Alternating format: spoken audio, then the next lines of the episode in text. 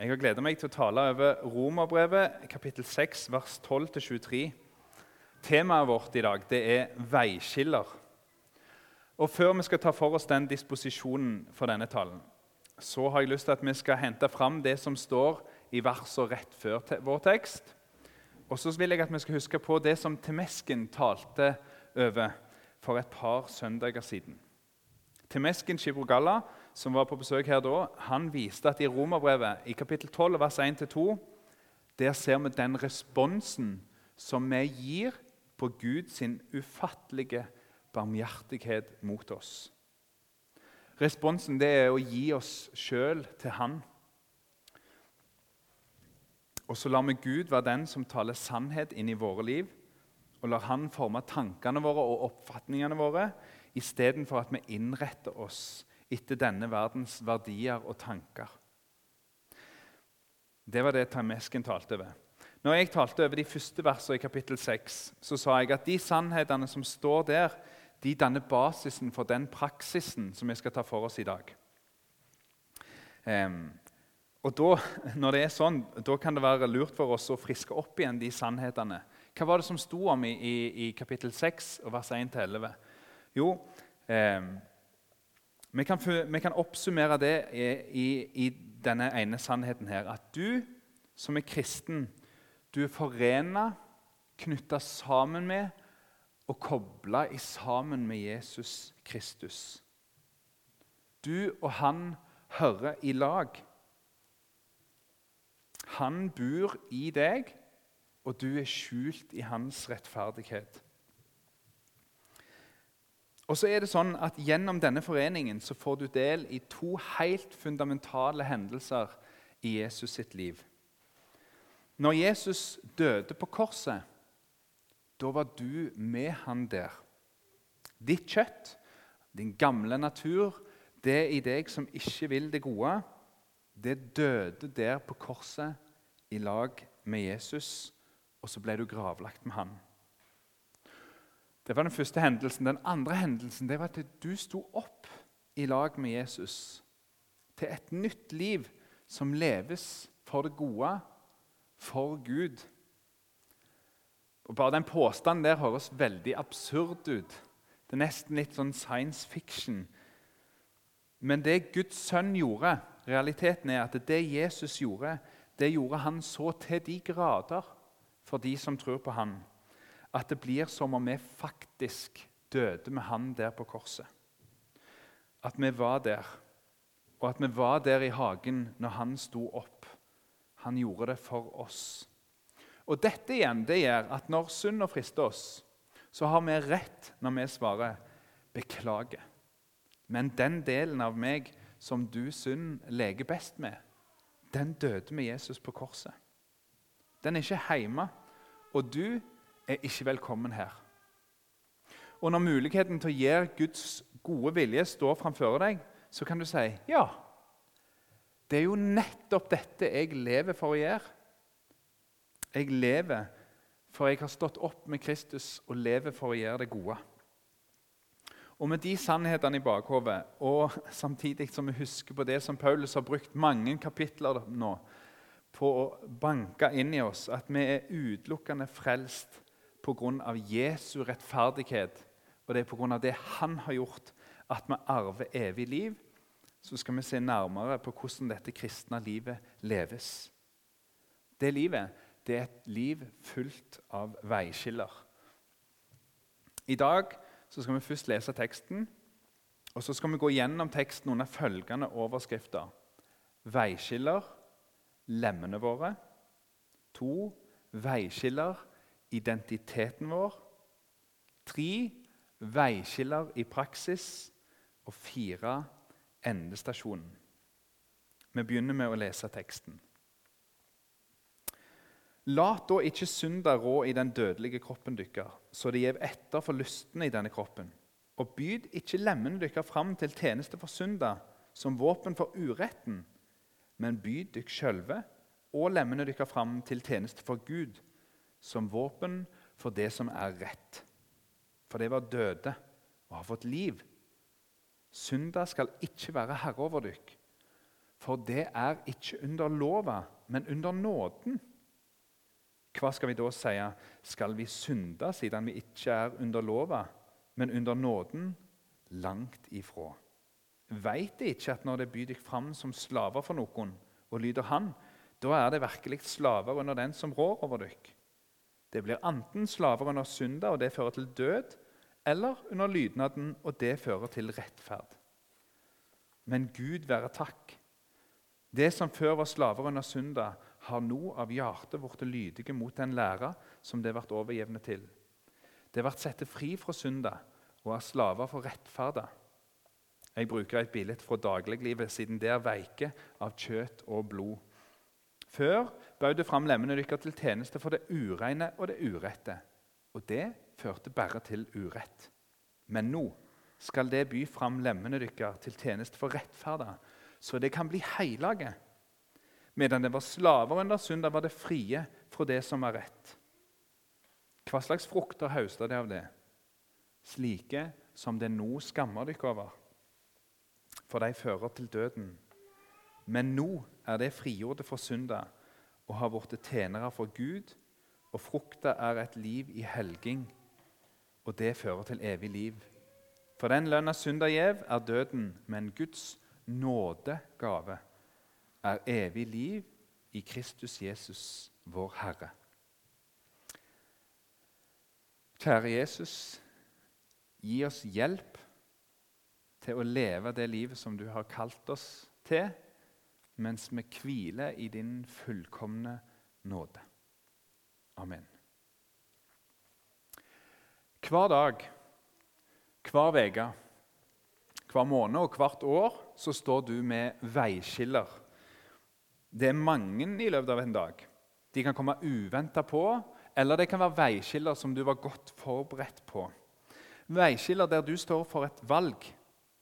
Skal jeg bruke munnen min, hendene mine, føttene mine, pengene mine, tida mi til dette? Eller skal jeg gjøre dette? Når Paulus går inn i disse valgene, her, så snakker han om å stille lemmene våre, kroppen vår, oss sjøl til tjeneste for synda eller til tjeneste for Gud. Om vi gjør det for synda, da blir vi våpen for uretten. Men om vi gjør det for Gud, så blir vi våpen for det som er rett. Denne kampen her mellom det gode og det onde det er noe som alle kan kjenne seg igjen i. Ufattelig mange bøker, filmer, sanger og kunst har blitt lagd for å beskrive nettopp dette. Når vi observerer konflikter, så skal du bare merke at vi har en tendens til å fordele partene i de gode og de onde. De snille og de slemme. Det er to kategorier som vi hele tida er i kontakt med. Og Denne kampen her, det er noe av det som kan vekke sterkest følelser i oss. Kampen mot urettferdighet og for rettferdighet. Og så er det sånn at Ofte så sitter vi som enkeltpersoner litt grann sånn på avstand. Og så ser vi på denne kampen her litt på sidelinja. Så vurderer vi hvem er det som har rett her, hvem er det som tar feil, hvem er de gode, og hvem er de vonde.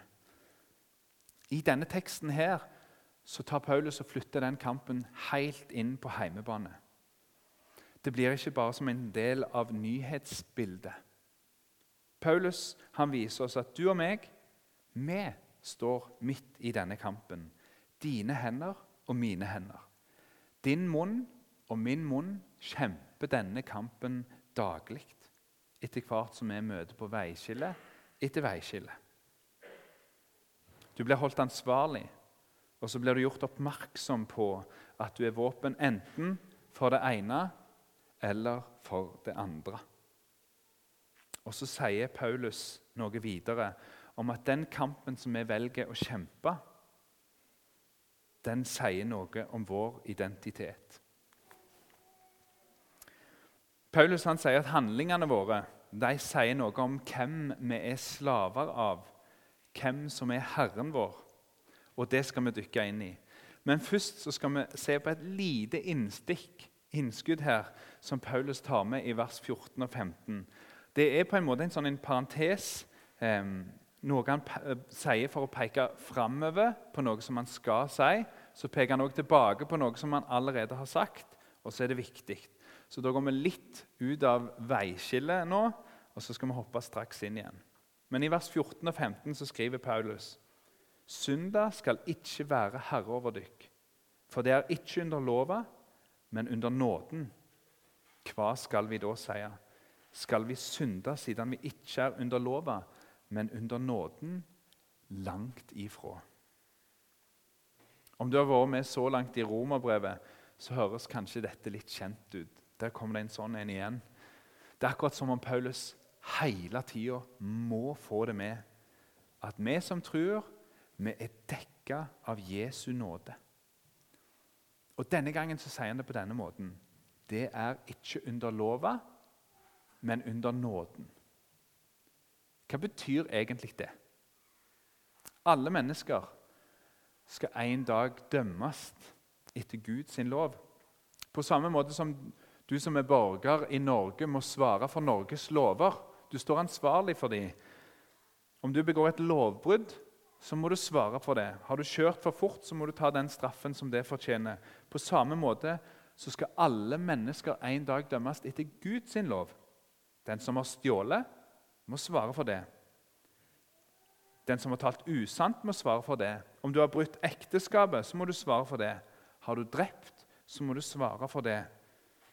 Fordi alle mennesker står under Guds lov. Men du som tror på Jesus, du står ikke under loven lenger.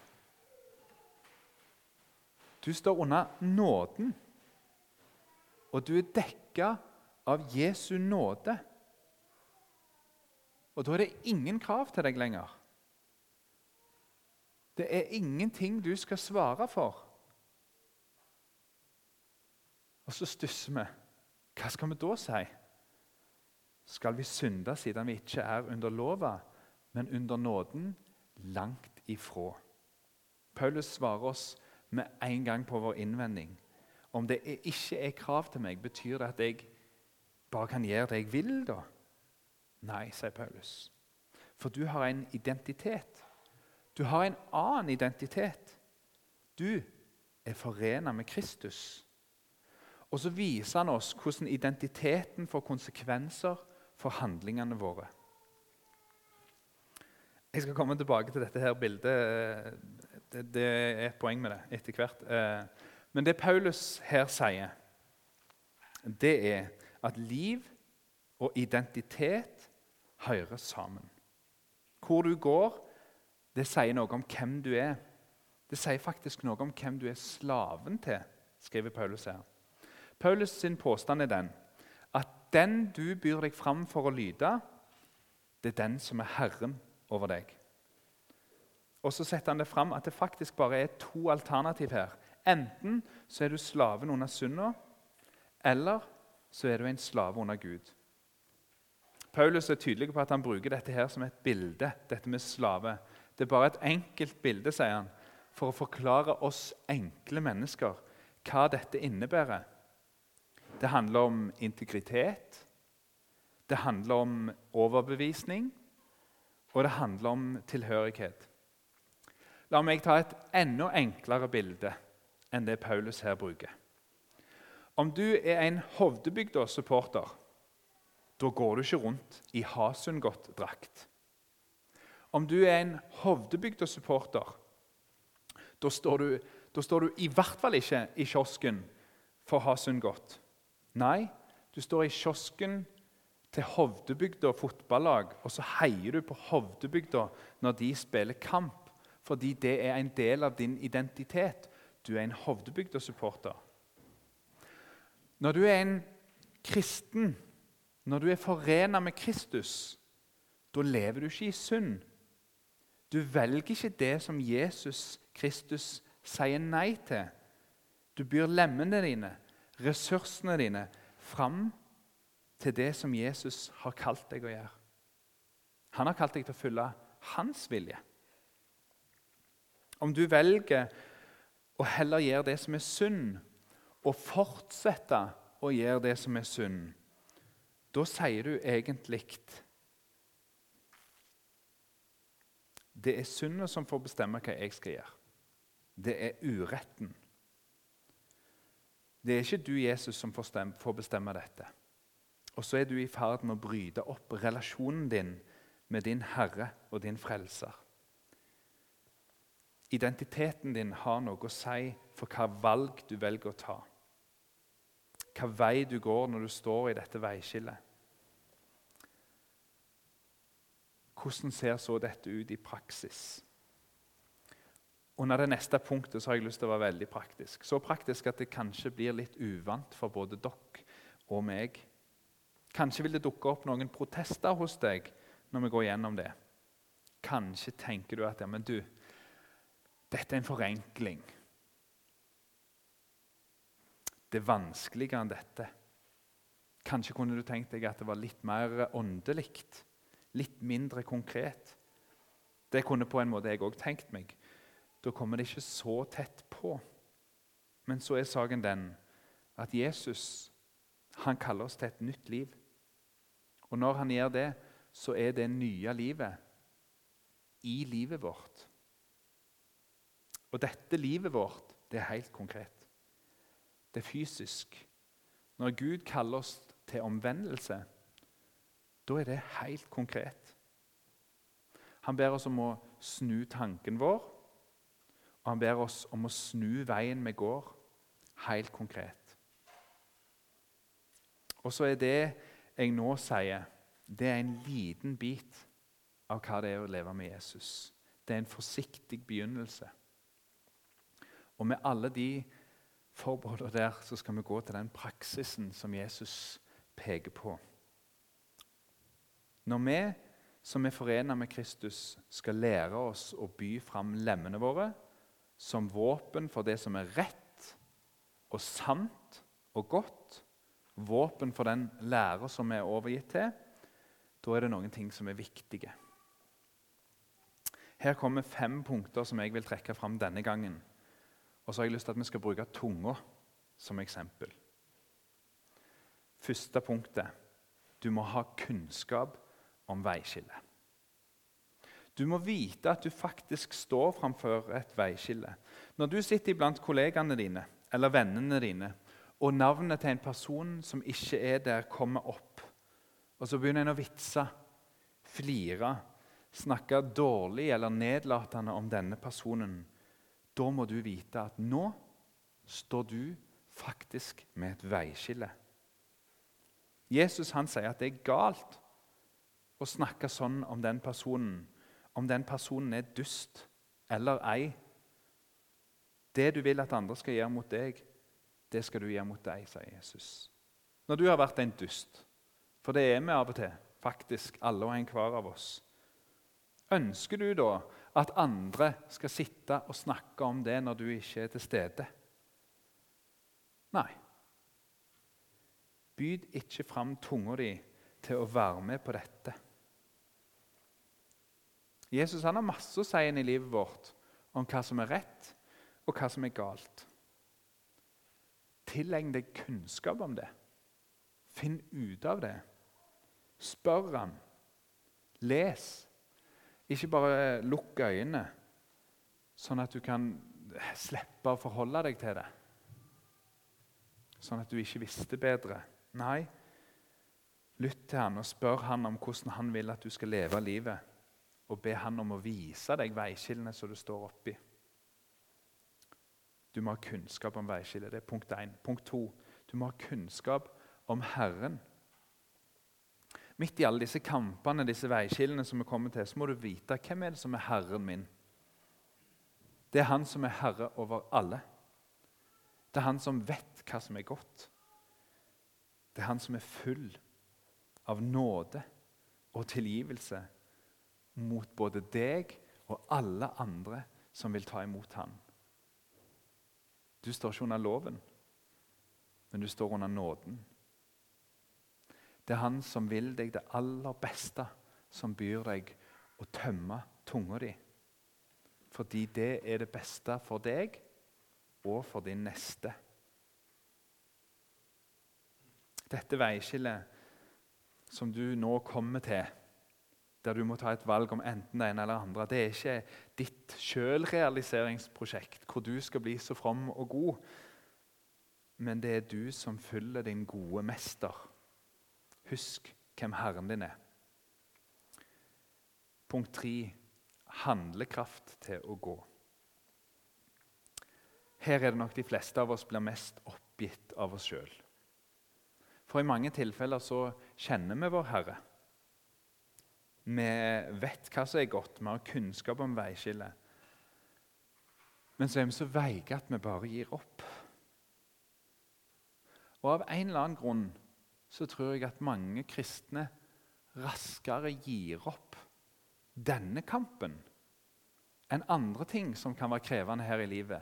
Om du f.eks. skal lære deg et instrument, om du skal bli god i fotball, om du skal holde deg fra å spise godteri der kan en mønstre masse vilje. Men i denne kampen så vi en, kan vi havne på en autopilot der vi bare slår av. At viljen vår er svak, det er sant. Og det kommer Paulus tydelig tilbake til i neste kapittel. Men å kapitulere og si 'jeg ikke vil følge min mester', det har vi ingen grunn til. Kristus er i oss. Han veileder oss. Han holder oss oppe. Den hellige ånd gir kraft og styrke. Be om dette. Be om hjelp. Være uthvilt og forberedt når veiskillet er der. Be om hjelp fra trussøsken. Ta det opp i de bibelgruppa. det er så mye baksnakking på jobben. Hvordan kan jeg unngå å bli en del av det og bare hive meg med i det? Bekjenn det for Jesus og noen du har tillit til. Og så er det sånn at Når du skal lære deg noe nytt, da krever det at du investerer tid og krefter i det. Det gjelder òg det kristne livet. Om du vil ha handlekraft til å gå, så må du begynne å jobbe med vanene dine. Og Da kommer vi til punkt fire. Gammel vane, vond å vende. Om du ser på disse to stiene som er på bildet her, så ser du at den ene er mer gjengrodd enn den andre. Den veien som vi er mest vant til å gå, det er den veien som det er enklest å gå på. Der er det luft. Der er det flatt og jevnt og greit å gå. Om du er mest vant til å la tunga di løpe løpsk når baksnakkinga begynner, så er det faktisk det som er det letteste for deg å gjøre. Da må du øve deg i å velge en annen vei. Du må se på den stien du heller skal gå på, og så må du følge den. Om det er synd du strever med på en særlig måte, så finn deg noen gode fluktruter. Om du vet at når du setter deg ned med lunsjbordet, så kommer fristelsen, så planlegg da en vei ut av den før du kommer inn. Finn en måte å få samtalen til å handle om noe annet. Øv deg på å bryte ut av det mønsteret. Det at en gammel vane er vond å vende, det har et dobbelt budskap til oss. For det betyr òg at det går an å etablere seg noen sunne vaner som hjelper oss til å handle rett. Og Så er det siste punktet, og det er òg en overgang til endestasjonen. Vett til å snu. Når jeg har med 'vett til å snu' her, så er det fordi du kommer til å erfare at vanen glapp. Handlekrafta var vekke, og du gikk feil. Og så blir du lei deg. For du gjorde ikke det som du skulle. Da skal du snu. Da skal du snu deg rundt til Jesus Kristus og så skal du erkjenne det som har skjedd. Og så skal du møte hans evige, nådige blikk, som han har til hver den som tror på han. Hver den som snur seg til han. Og så skal du vite at du er tilgitt. Les dette som Paulus sier om endestasjonen. Men nå er det frigjorde fra synd har blitt tjenere for Gud og frukta er et liv i helging og det fører til evig liv. For den lønn synda gjev, er døden. Men Guds nådegave er, er evig liv i Kristus Jesus, vår Herre. Det er forskjell på å falle i synd og å leve i synd. Om du går inn og lever i synd og ikke tar et oppgjør med synda, da er lønna døden. Da er du slave under synda, og endestasjonen er ikke liv, men død. Om du lever et liv i oppgjør og byr lemmene dine fram for det som er rett og godt, da er frukta av det et liv i helging. En prosess der Jesus Kristus får forme deg mer og mer lik han. Et våpen for det som er rett. Og så får du bli i hans nådegave. Gratisgava, der han tar alle dine feiltrinn. Og så dør han på korset i ditt sted for at du skal leve evig. En dag så sitter du da på denne endestasjonen hos Jesus. Kampen er forbi, og så har du en evighet hos Han i vente. Og da fins det ingen veiskiller lenger. Herre Jesus, jeg ber om at vi må få være med på det. At vi må få sitte på endestasjonen der i lag med deg og få takke deg for alt det du ga oss, for at du brakte oss helt hjem. I Jesu navn. Amen.